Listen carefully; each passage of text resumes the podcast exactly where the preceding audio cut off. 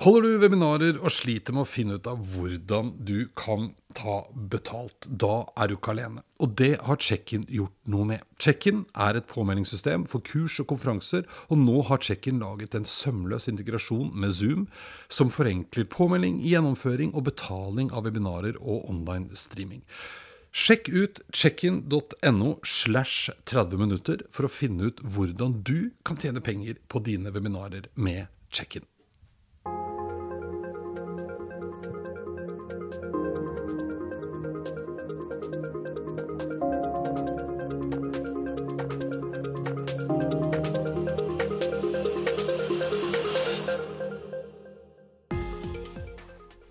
I dag har jeg besøk av Alexander Hamming. Han er direktør for digital innovasjon i Posten og Bring. Han er utdanna utvikler og har lang erfaring med både startups og å være konsulent.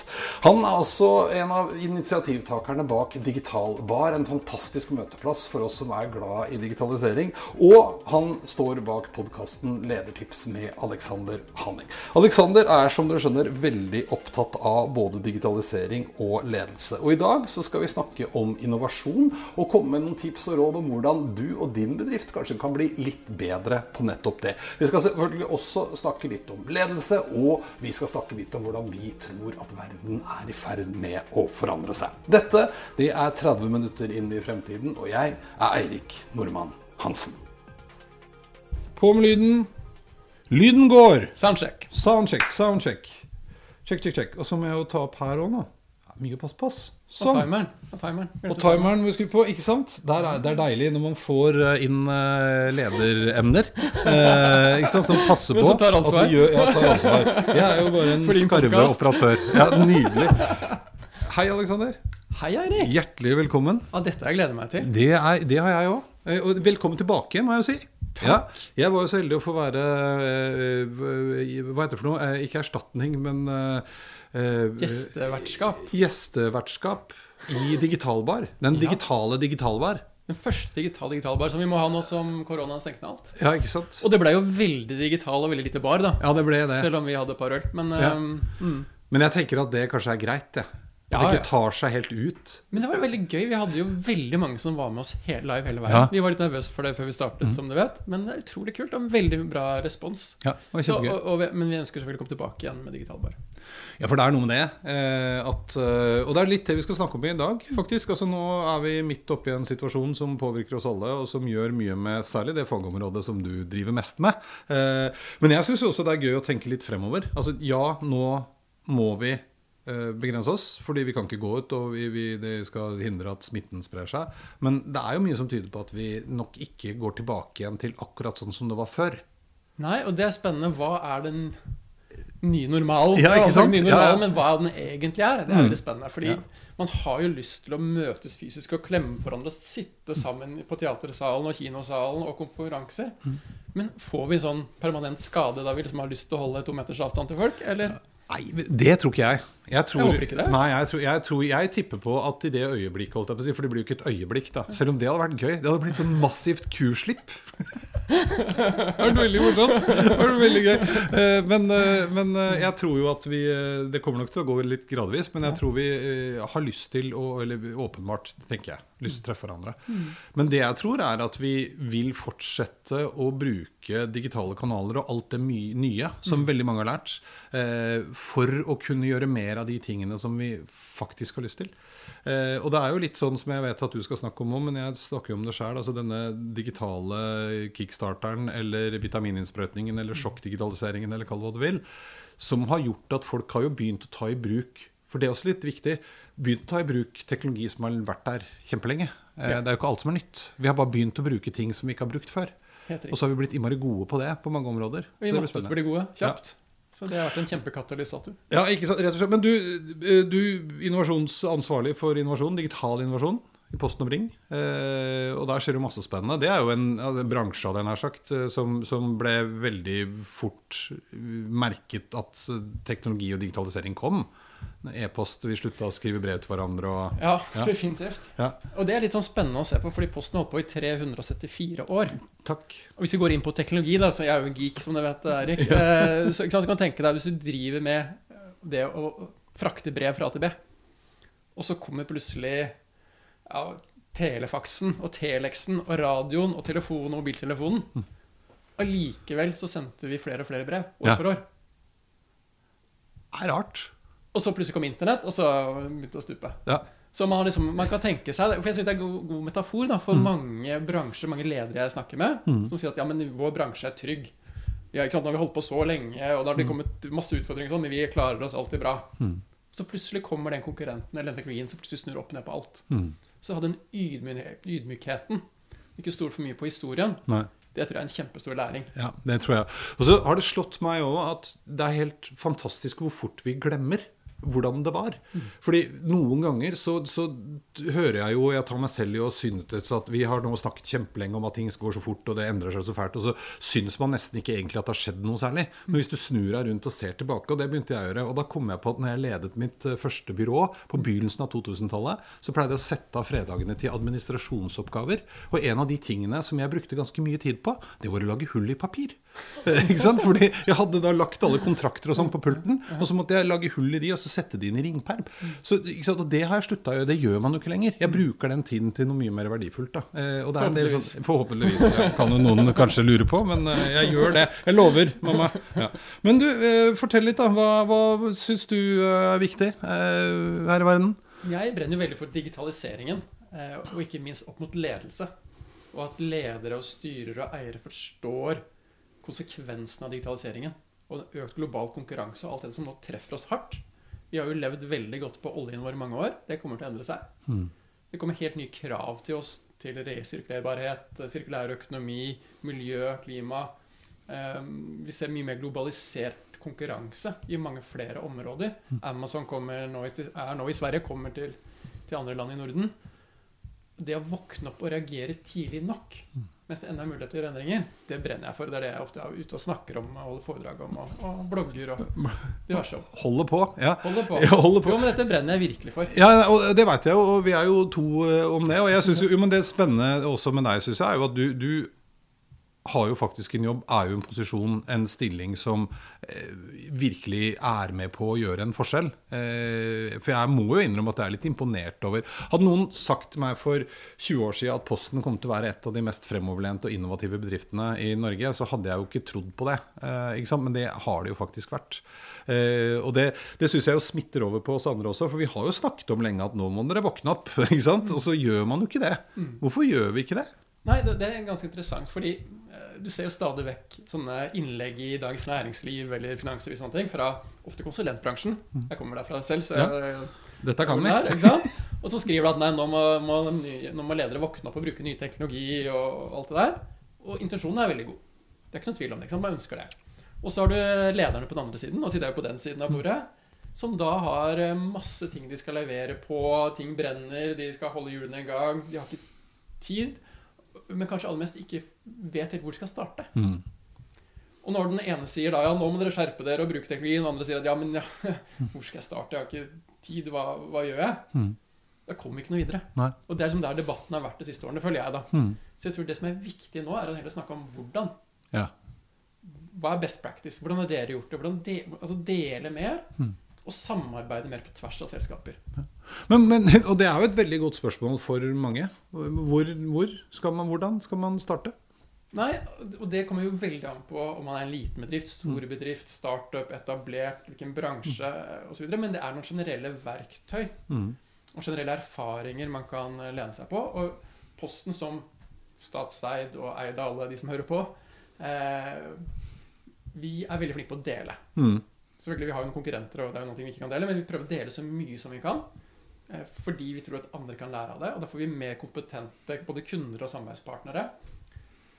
Og så kan vi lære via andre også. Når vi deler vår metodikk, f.eks. på innovasjon, som vi er veldig, veldig mye ute og gjør, så kommer folk ja, men hvorfor gjør det ikke på denne måten? Så, ja, men kjempefint, det, og så endrer vi det internt. Mm. Så jeg tror vi må liksom ha det mindsetet med å dele mye mer. Men ja, ja, ikke sant? Og, og jeg opplever jo Jeg er en nysgjerrig fyr. Og jeg banker på dører og ringer rundt og sender mail og hører. Og dere har noe gøy, kan jeg komme på besøk? Og overraskende ofte så får jeg ja. Det er veldig, veldig sjelden jeg får nei. Eh, og vært og sett på robotlagre og fått høre og treffe ledere og ledelse og innovasjonsgrupperinger. Og Det er ikke måte på. Og, så det å tørre å spørre hverandre er kanskje heller ikke så dumt. da. Ja. Nei, helt klart. Eh, og så er det noe med å ha den defaulten at ting skal være offentlig og ikke lukket. Mm. Det at man skal publisere ting på en nettside istedenfor bare å ha det som et internt dokument. Mm. Hvis det ikke er noe hemmelig, hvorfor ikke bare dele det ut? Mm. og vi prøver å gjøre det. altså Vi har jo masse ting som ikke er publisert ennå, men vi prøver å ha intensjon i hvert fall om, om å dele tingene. Ja. Og dere har jo et sånn eh, innovasjons... Nærmest et eh, slags eh, Skal kanskje ikke kalle det besøkssenter, men eh, Jo, vi har, ja. ja, besøkssenter er kanskje litt langt, men vi har en innovasjonshub Ja. i Postgirobygget. Og det er jo for å samskape. Ja. Både internt i posten mellom forskjellige fagenheter og divisjoner og sånn, men også sammen med kunder og samarbeidspartnere. Mm. Der kan vi kjøre en workshop, vi kan skape ideer, vi kan begynne å få til piloter sammen. Og det er noe med å ha et eget workspace laget akkurat for den type samarbeid. Ja. Det, det er en sånn katalysator for å få til ting, og det syns vi er veldig spennende. altså. Ja? Fordi, fordi Det har vi jo snakka om i 100 år, at vi må bryte ned disse siloene. Mm. og det føler jeg vel at De veggene har kanskje blitt litt lavere, men de er ikke borte ennå. Men det å skape noen sånne plasser hvor man i hvert fall går inn i en annen silo holdt jeg på å si, sammen, og blander hverandre litt, det er kanskje en bra start for Og mange. bygge suksesshistorier. Det er Mm. mye historiefortelling med lykkes. ikke sant? Fordi det er veldig skeptisk. altså Ofte så er det sånne eh, Jeg vil ikke si harde fronter, da, men det er liksom kanskje misforståelser mellom forskjellige divisjoner og enheter i store selskap. Mm. Ja, de er så teite, de tenker jo ikke på det. Ja, men de er så teite, vi tenker på det. Og så liksom, idiotforklarer man hverandre på, fra hver sin side. Ja. Istedenfor å begynne å snakke sammen og si ja, men vet du, vi gjorde dette sammen, det var spennende. Mm. Eh, og så dele de historiene videre. Ja, ja, for det, det handler vel litt også Jeg husker en, og det er lenge siden man liksom begynte å snakke om kundereise Mm. som en eller annen syklus som faktisk gjentok seg. Eh, og oppdaget at det var ikke så dumt å snakke med de på eftermarked. Fordi at de får vite en masse om hvordan folk har opplevd å handle med oss. Eh, og også de som da sitter i salg. Når folk kommer inn i butikken, så, så oppdager vi at de har blitt informert om litt feil ting. Kanskje vi skal snakke sammen istedenfor å peke på hverandre. Og så få hele denne uh, sløyfa til å spille sammen. Og det er veldig lett å si, og veldig vanskelig å gjøre. Det vil jeg. Det vil jeg tro. Men du, tilbake igjen til eh, denne pandemien. Vi var så vidt innom det i stad. For at, eh, det er åpenbart mange utfordringer. Det har vært supertøft for veldig veldig, veldig mange. Eh, men den har liksom bidratt med noe på, positivt på sett og vis også. Ja, for vår del så er det jo vært Vi vi har jo hatt kunder som altså selskaper, eh, frisører, butikkjeder osv. er jo omsetningen gått ned for noen. Mm. Og så har vi mange netthandelskunder, så der det har økt. Og folk har jo hatt behov for å få mer eh, ting levert hjem. Og ikke kunne, kunne komme ut og sitte i karantene eller andre vis. Så vi har hatt en veldig oppsving i netthandel og måtte kaste oss rundt og justere mye på det. Men ikke minst digitaliseringen, så Mm. har det jo skjedd et hopp på fem eller kanskje ti år. Så de trendene vi har sett på bruk av videokonferanseutstyr på, ja, på veldig mange områder, har gjort et kjempebyks. Mm. Og det skaper jo store utfordringer for mange som ikke har vært klare for det bykset. Ja. Og kjempestore muligheter for de som klarer å være med. Mm. Ja, for det var jo en del sånne gøyale historier helt til å begynne med. Jeg husker det var en dame som drev en butikk, en ganske voksen dame. Eh, på, nå heter vel alt Viken. Den gang da. Jeg tror det rakk å ikke hete Viken, altså i Vestfold. Eh, og hun mm, Det kom jo ikke noen kunder, men hun begynte å bruke FaceTime, så folk ringte inn. Og, hun liksom, og plutselig så hadde hun hele Norge, hun hadde ikke nettbutikk eller noen ting, og folk bare ringte. Det var nesten sånn fakse. Men hun økte jo omsetningen, og så var det en del andre som fulgte etter og satt sånne ting i system. For det, det er jo litt i sånne situasjoner òg hvor virkelig innovasjon kanskje kan skyte litt fart. Da. Absolutt. Det er jo når, når man blir tvunget til det. Det er ofte da innovasjonen skjer. Mm. Eh, og man kan være lat. Vi har sett det på mange, mange bransjer. At det har vært litt sånn latskap, fordi det har ikke vært noen stor konkurranse. Eller det har kommet unna med et konsept som har gått ut på dato fordi det har ikke vært så mange alternativer. Mm. Så plutselig kommer en, noen som virkelig utfordrer enten en lite selskap eller et utenlandsselskap på andre måter. Men, men, men hvordan tror du det blir fremover? Altså Nå er det jo et lite lys i tunnelen. Vi regner med at nå vaksineres vi, og jeg leste vel i dag eh, ja, Det er jo ikke i dag dette går ut, men eh, nå Hvilken dato er det i dag, da? Jeg husker ikke. Spiller ingen rolle. Eh, Femte? Sjette? Eh, At man begynner vaks massevaksineringen i Oslo. Liksom man er ferdig med den første gruppen. Eh, håpet er at vi kanskje i løpet av sommeren, høsten, liksom begynner å se en verden hvor vi faktisk kan begynne å åpne litt mer igjen fordi at flere og flere av oss er vaksinerte. Eh, går vi tilbake igjen til der vi var for et år siden? Nei. Vi gjør ikke det. Nei, vi gjør ikke det. Nei. Eh, Og særlig på netthandel. Der har det vært en gradvis økning i mange år. Nå har det fått en ekstremt koronaboost. Mm. Jeg tror ikke at det kommer til å gå tilbake igjen til der vi var. Det tror jeg kommer til å være vedvarende endring. Det er noe med Jeg er veldig fascinert av folks endrede vaner. eh, handlingsmønstre. Mm. Og det tror jeg er et mønster som nå er endret permanent. Det at vi handler mer på nett. Det er mange som ikke har handlet kanskje dagligvare på nett, eller handlet i det hele tatt på nett før, som nå har gjort det og ser at ja, men dette er kjempekonvenient, sparer meg tid. Mm. Det tror jeg er permanent endret. Jeg tror ikke vi går tilbake for de aller fleste at det er 100% kontor. Jeg tror det blir eh, hybridløsninger. Mm. Og så er jo det hjulpet av at det kan være økonomisk gunstig for selskap å kutte leiekostnadene sine, selvfølgelig. Så det er jo en, en pådrivende faktor, det. Og så er det spennende å se hvilke andre endringer som kommer, da. Ja, ja for jeg, leste, jeg leste han godeste Nordstrøm, eh, svensken som skrev denne boka som het Urban Express for noen år siden. Han har da skrevet en, en svensk professor. Eh, han har nå skrevet eh, Corona Express, litt sånn kort, men som handler om akkurat det du snakker om nå. Eh, og han tar jo også utgangspunkt i menneskets natur. Vi mennesker er eh, late i anførselstegn fordi at vi vil prioritere å bruke energien vår på ting som virker. Og det er nettopp derfor vi har en tendens til å ikke endre oss før vi må. Vi kan godt tenke og se at det kommer, men vi venter til det virkelig gjelder. Men, og Da er det veldig lett å tenke sånn intuitivt at bare dette blir ferdig nå, så skal jeg gå tilbake igjen, for det var mye mer behagelig. Men når vi først har endra oss, så blir jo det å endre seg tilbake en ny endring. Som vi da vil ah, Nei, nei, det orker vi ikke. Vi fortsetter sånn som vi gjør nå. Det Ja, men det er sant, Ja, Og det handler jo tilbake til det vi skal spare energi. ikke sant? Mm, Vi skal mm. ikke bruke for mye energi, vi skal overleve. Mm. Så klart det Hver gang du må endre deg, så må du bruke energi på å gjøre et eller annet. Ja. Så vi prøver selvfølgelig å gjøre det. Men, men, og dette er jo litt gøy. Nå kan vi jo dra det litt over til ledelse. da, fordi Når vi da ender opp i en verden hvor vi er litt på kontoret, litt ikke på kontoret, mye større fleksibilitet Det er jo også en litt sånn fremvekst av forventning blant de ansatte. Eh, man må lede på en helt ny måte. Eh, hva tenker du om det? Ja, det er kanskje den største omstillingen vi står overfor, er akkurat det for ledere. For jeg tror at de som er ansatt, de jobber eh, kanskje i et team på en eller annen måte. Det teamet kommer til å jobbe tett sammen hver dag. Og så er noen på kontoret og noen ikke, men når man, når man har liksom den enheten. Men hvis man da er annenhver dag på kontoret, må lederen da være på kontoret hver dag for å treffe alle medarbeiderne, da? Eller ikke? Altså, det er en kjempeutfordring. Og hvordan bygger du fellesskap på tvers for eksempel av avdelingen? Da? Ja. Så det er jo noe av det virkelig store vi må jobbe med som ledere framover. Ja, for Jeg har hørt en del jeg har snakket med også som uh, Det er veldig sånn todelt. Akkurat nå så virker det som om det nesten er litt sånn enten-eller. Liksom Man har noen, en del av de ansatte, og dette er jo forutsatt at man faktisk har en jobb som gjør det mulig å jobbe hjemme. Eh, men hvor noen trives så godt med det at de kunne ikke tenke seg å gå tilbake igjen. Ikke sant? Og man opplever økt eh, produktivitet og økt eh, arbeidstilfredshet. Veldig mange rapporterer om at 'jeg har aldri følt at jeg har blitt så sett av lederen min som de er nå'. For plutselig så må jo lederen nå Det har blitt veldig vanlig med FaceTime. Før så sto de kanskje i gangen og sa hei. Nå er det sånn Vet du hva, hun ringte og, og på video og lurte på hvordan jeg hadde det. Altså, så det har fått en del positive effekter. Eh, Ja, men jeg tror også det er mange som ikke trives på hjemmekontoret. Ja, og- eh, og særlig hvis du bor alene, kanskje liten leilighet. Eh, kanskje en nyansatt, flyttet inn til byen for å begynne ny jobb. Og da er jo det sosiale på jobben kanskje den første sosiale nettverket du får et nytt sted. Så der har du hele spekteret. Så hvordan skal du få det til å fungere på tvers av alle, med alle forventninger, og følge opp som leder? Det blir veldig krevende neste to-tre årene. Men hva tenker du om det? Du er jo leder og har jo et team. Eh, Det jeg antar at dere, som alle andre, har vært mye mer på ikke sammen.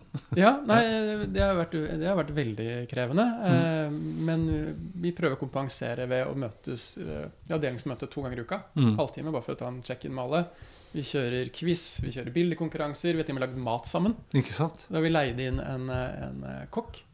Eh, Alle fikk en oppskrift og beskjed om å kjøpe disse, disse varene til den tiden. Og så hadde vi denne kokken med oss på livestream. Så livestreamen fra hvert vårt kjøkken, så lagde vi mat sammen. Det er veldig gøy, da. Ja, Man må være litt kreativ og finne på morsomme ting Ja. sammen. Men selvfølgelig blir jo ikke det samme det som å gå ut og ta en pils på fredagspils, eller eh, eh, gå på sånn hva heter for noe, Fangene på fortet eller en eller annen escape room eller noe. Det blir ikke det samme. Så Nei. det blir jo en sånn blek kopi, men man må jo gjøre så godt man kan. Men eh, så nå Verden har endra seg. Eh, vi ser en del nye strukturer. Altså Hvis vi skal komme med noe råd til eh, bedrifter der ute, eh, hvilken ende skal de starte i? Jeg tror det viktigste det er å forstå at man trenger digital kompetanse i toppledelsen. Mm. Og også i styret. Ofte er det styret som velger en administrerende, som så velger det- et ledelsesteam. Mm. Eh, og dette er noe jeg også har skrevet om i mange år. Og jeg snakket med en professor ved MIT, Sloan School of Management, om akkurat dette. Og han, ja, men det har vi forska på. Mm. Så jeg, å, har dere det? Ja. De hadde analysert fordi eh, alle selskaper som er børsnotert i USA, har eh, en ledelse, og den ledelsen sin historikk, CV, ligger ute. Så brukte de maskinlæring på å gå gjennom alle de CV-ene. Matcha de opp hvem er det som har digital kompetanse, og hvordan har bedriften gjort det.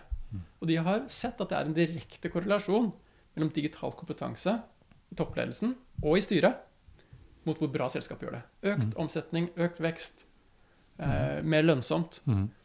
Og det tror jeg ikke alle har innsett hvor viktig det er. Og det handler ikke om at toppledelsen skal kunne programmere, selv om det er også kjempefint å lære seg å programmere. Men det handler om å forstå nok teknologi til å se konsekvensen av digitaliseringen. Mm. Se utfordringene på strategisk nivå. Og det kan ikke være én. Nei.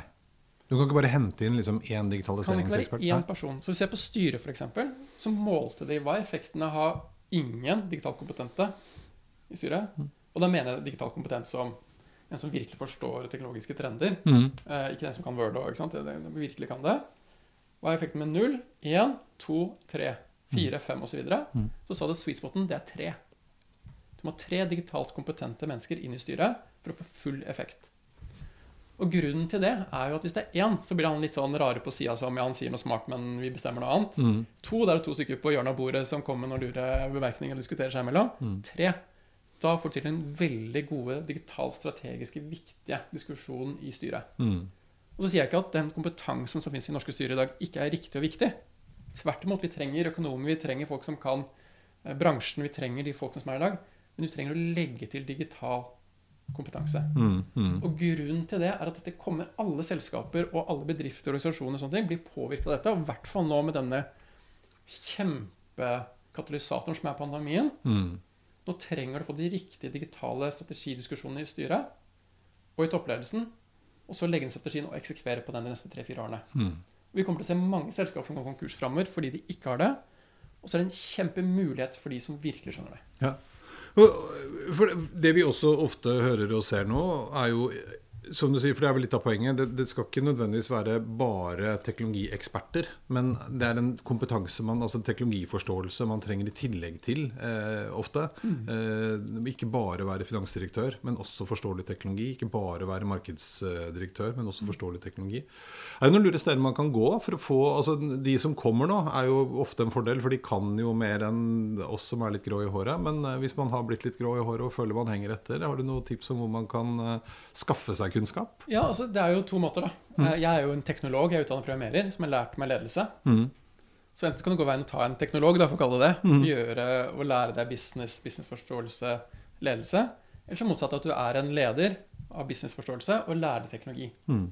Det finnes masse gode skoler og, og sånn MBA-kurs og diverse for å komme opp på dette nivået. MIT har et veldig bra program rundt Five Building Block, som jeg virkelig kan anbefale. Mm.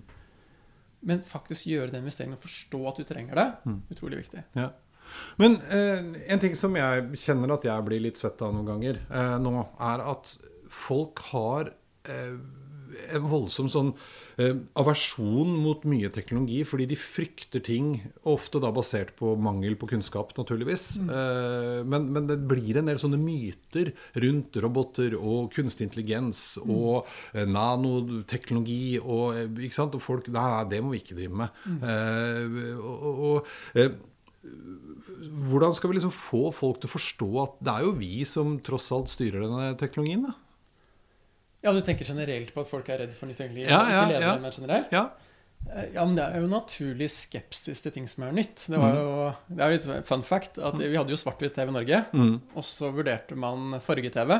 Så var det en stor diskusjon på Stortinget om vi skulle ha farge-TV eller ikke. Ja. Så var jeg enig i en prøveordning Ja. på 60-tallet med farge-TV. Vet du hvor lenge den den prøveordningen varte? ja, Den er jo ennå. Den er ennå. Fortsatt ikke vet at farge-TV ja, ja. Og det er for øvrig et tips. Også, ta Søk opp eh, den derre- det, det innlegget til eh, Einar Førde. Ja, fantastisk. Eh, Ja, det er helt Ja, nydelig. sant? Så det er en naturlig skepsis. Ja, ja, ja. Og vi ser også det nå med innføringen av iPad og nettbrett og PC-er i skolen. Mm. Der noen er veldig for, og noen er veldig imot. Mm. Og det er fint. Altså det er sunt at vi har den diskusjonen. Mm. Men så har vi fått telefonen. Var det ingen som vurderer å legge fra seg iPhonen sin eller Android-telefonen sin? Nei. Så, som du sa i stad, folk blir veldig fort vant til det også. Ja, ja, for det, det blir litt så forundra over. Vi snakker jo, ikke sant? Jeg, jeg skjønner nå at det er vanskelig å forstå eksponentiell utvikling. Sant? Det, det, det er egentlig helt ubegripelig. Og, eh, men, men det er også noe med å eh, Og det er rart, kanskje, eller det er jo rart, at man nå faktisk Vi kan bestemme oss for å løse et problem som vi ikke har teknologien til, for vi kommer til å finne den opp. Vi kan faktisk sette oss sånn, så hårete mål. Eh, men jeg skjønner jo Men jeg syns ofte vi bruker så mye energi på eh, feil områder. da, ikke sant? Utviklingen stopper opp fordi at vi er redd for noe som ikke er eh, en realitet i det hele tatt. Og kunstig intelligens, f.eks., som jo ofte er et sånt tema, har jo, det ble ikke funnet opp i forfjor. Ikke sant? Det har jo eksistert siden hva er det for noe, 60-tallet eller noe sånt. Ja. Jo, men jeg tenker det er viktig for deg og meg, da. Vi som er teknologer og er glad i og flinke på å formidle. Det ligger litt på oss. At vi er flinke til å dele, få folk med oss og forklare. Det syns jeg var veldig fint på Digitalbar når vi hadde den sammen. Ja. Da hadde vi besøk av Morten Godvin på AI som forklarte AI. Vi hadde Ja. med Torgeir Woltras forklart at vi må være flinke til å få den mer informerte, seriøse debatten. Ja, ja. Det tror jeg ligger på oss, altså. Ja. Nei, det er spennende. Og det er ikke noe tvil om at vi lever i en spennende tid. Eh, ikke sant? Og, og ja, det er vi gjennom. Pandemien, eh, mange utfordringer, men har vært en, liksom en akselerator for Mm. å virkelig sette i gang. Men det er også viktig å sette i gang. Ikke sant? For at Mm. nå skjer jo mye. Tenk deg den utdanningen som du sa. Hva har vi estimert at det er et sted mellom fem og Mm. ti års eh, liksom, sprang fremover? Eh, hvis ikke du nå stikker, nei, trekker huet opp av sanda, så er det virkelig utfordrende. Eh, ledere må bli eh, flinke til å ta inn over seg den nye hverdagen. Eh, jeg hører jo snakke med mye unge mennesker òg, som nå er litt sånn ja, men må man ha fast jobb, da? De, ikke, de, de har ikke de samme eh, liksom driv, d- d- d- hva heter det for noe? drivkreftene som vi hadde, kanskje. da. Eh, nå vet ikke jeg hvordan det er med deg, men liksom, mange av oss er jo liksom oppflaska med at nå må du få deg en utdanning, og så må du få deg jobb. Og så er det hus og bil, og ikke sant? Det man skal trygge eh, hverdagen sin. Mens de er litt sånn Nei, må vi det, da? Eh, Som jeg syns er interessant. Men hvis vi hever blikket enda litt til, eh, hvordan tror eh, Alexander Haneng at eh, 2030 ser ut? Altså Hvis du ser ti år, ti år fram i tid, så skjer det faktisk ikke så mye. Nei. Det er- noen få, noen få skifter. Altså Berlinmurens fall, eh, iPhone? Det er noen sånne ting, men det skjer ikke så mye. Men jeg tror et viktig endring om ti år fra nå Mm. er dette med klimamiljø Mm. og ikke minst sirkulær økonomi. Eh, Vi kjørte en stor analyse av trender nå i fjor. En av de tingene som virkelig poppet opp, var det. Mm. Og så har man gjort undersøkelser av hvor sirkulær er verden. Det er 9 ikke Ja, ikke så, for der har vi litt å hente. Så Ja. 91 bruker vi en gang og kaster. 9 er sirkulær. Og så ser du de som er virkelig virkelig flinke nasjonene, type Nederland. De er på 24 Mm. Så to og en halv gang bedre enn verden, men allikevel så kaster de 76 Mm. Og i Norge så er vi flinke med å resirkulere plast og papp og metall og matavfall. Ikke sant? Vi er jo så flinke. Hva tror du Norge Hvor ligger vi hen? Oi, det vet jeg ikke. Jeg tipper på 12% Så over verden. Ja. Ja. Det ble gjort analyse i fjor på det, og svaret er 2,4 Og Det er jo helt krise. Og da holder vi olje og sånn utenfor, altså. Ja. Det er helt Altså, jeg, jeg ble sint, jeg. Ja. Altså, her blir, tror jeg at jeg er flink til å resirkulere plasten min, og, og vi har øh, strøm fra fossefall og føler at vi er toppen, og så er vi mye, mye dårligere enn verden. Ja. Eh, og sånn kan det ikke være. Én fordi verden tåler det ikke. To fordi jeg, folk, Mm. forbrukere, nekter det Mm. når, de, når det går opp for dem. Men ikke minst så har EU tatt noen store grep. Mm. Det kom en Green Deal i fjor og en aksjonsplan for uh, sirkulær økonomi. Mm. Og nå begynner reguleringene fra den begynner å komme allerede. Uh, så alle selskaper i EU blir nå tvunget til å gjøre noe med dette problemet. Heldigvis. Så det tror jeg kommer til å være den store endringen uh, neste årene. Og så er det selvfølgelig veldig spennende geopolitisk. Nå ser vi et styrket Kina. Vi ser et, et Russland som har noen utfordringer, men de også pusher i nordområdene andre steder. Og så har vi et USA som har vært gjennom en ja, forhåpentligvis uh, ny president snart. og det kommer til å være spennende å se på den kampen der, for der har vi også handelskrig. Mm. Alt det der. Utfallet det tror jeg kommer til å påvirke hvordan verden ser ut i 2030. Og det har vi ikke helt klart blikk ennå. Nei, nei. Men jeg synes jo, altså det er jo veldig veldig spennende og, og viktig og interessant alt som har med bærekraft å gjøre. Eh, og, og det vi jo vet, er at teknologi kommer til å spille en helt avgjørende rolle for at vi skal klare å få det til. Eh, på mange, mange områder. Ja, men jeg tror eh, Jeg er jo en teknologioptimist. Mm. Men jeg tror vi eh, må bare innse at det er ikke alt som kan løses av teknologi. Nei. Det er mye politikk og juss og reguleringer Mm. som må til. Altså det at det er billigere å kjøpe en ny oppvaskmaskin eller vaskemaskin enn å reparere den, Mm. er jo helt hinsides. Ja, ja. Og du kan se på YouTube, så er det noen som de lager delen selv. De 3D-printeren, eller de kjøper noe på ikke sant, og Mac-er sjøl. Så fikser de den for 200 kroner. Altså, det, sånn kommer det ikke til å være i framtiden. Og, og det er jo ikke, ikke sant, Økonomisk sett, per nå, så er jo gode insentiver for disse selskapene å produsere varer som går i stykker etter fem år. Mm, mm. Det kommer vi ikke til å akseptere om noen år, og det kommer ikke til å være lov om noen år. Heldigvis. Men eh, hva tror du, eh, en, eh, hvor viktig tror da du det er at en sånn eh, institusjon nærmest da, som du representerer, eh, er så langt fremme og så tydelig på det dere driver med, som det dere er? Nei, jeg tror det er viktig. Og vi har jo, sant, I og med at vi er eid av norske folk, Mm. eh, vi har et samfunnsansvar, så er det jeg det er ekstra viktig at vi tar det ansvaret og er bevisste. Nå har vi kuttet våre CO2-utslipp med 40 Mm. 40, 40 ja. i løpet av ti år. Til tross for at vi eh, frakter mye mer nå enn vi gjorde for ti år siden. Mm. Og vi jobber beinhardt for å pushe produsenter av særlig elkjøretøy til å levere større og større kjøretøy og- og bedre og bedre kjøretøy, så vi kan gå over til det. Ja. Vi pusher bruken av tog for å frakte. Eh, og vi gjør mange tiltak for å få det. Og jeg har jo tro på at eh, vi kan gjøre netthandel fossilfri Ja. til slutt. Ja, ikke sant? For det, det skal gå i null. Jeg så til og med Jeg så hun godeste uh, Kimberley eh, fra Microsoft var ute her om dagen. Mm. Altså De skal ikke bare bli eh, CO2-nøytrale. De skal bli eh, negative. De skal gi tilbake igjen alt det de har bidratt med. Ja. Eh, og det er en ganske kul ambisjon. Ja, det er, helt, det er en helt nødvendig ambisjon. Mm, Altså Hvis ikke store selskaper gjør dette, så har, har jo ikke verden en sjanse. Veldig spennende. Du, nå er Se der, ja. Nå telles det ned. Eh, noen siste ord. Det hørtes ut som du skulle avlive Det skal du ikke. Det skal du slippe. eh, noen siste ord. Um, vær nysgjerrig. Jeg tror, altså, Det er sånn lett å si til ledere at nå må du våkne opp og følge med på de teknologigreiene. Ja vel, da. Men jeg tror det handler om å være litt ydmyk altså, eh, og nysgjerrig. Og, og få med deg noen av de unge folka i bedriften din. Og være, være nysgjerrig med de, Ta en samtale med de. Det Hør hva tror de jeg er det beste tipset. Veldig bra. Tusen takk skal du ha for besøket, Alexander. Takk, Eirik.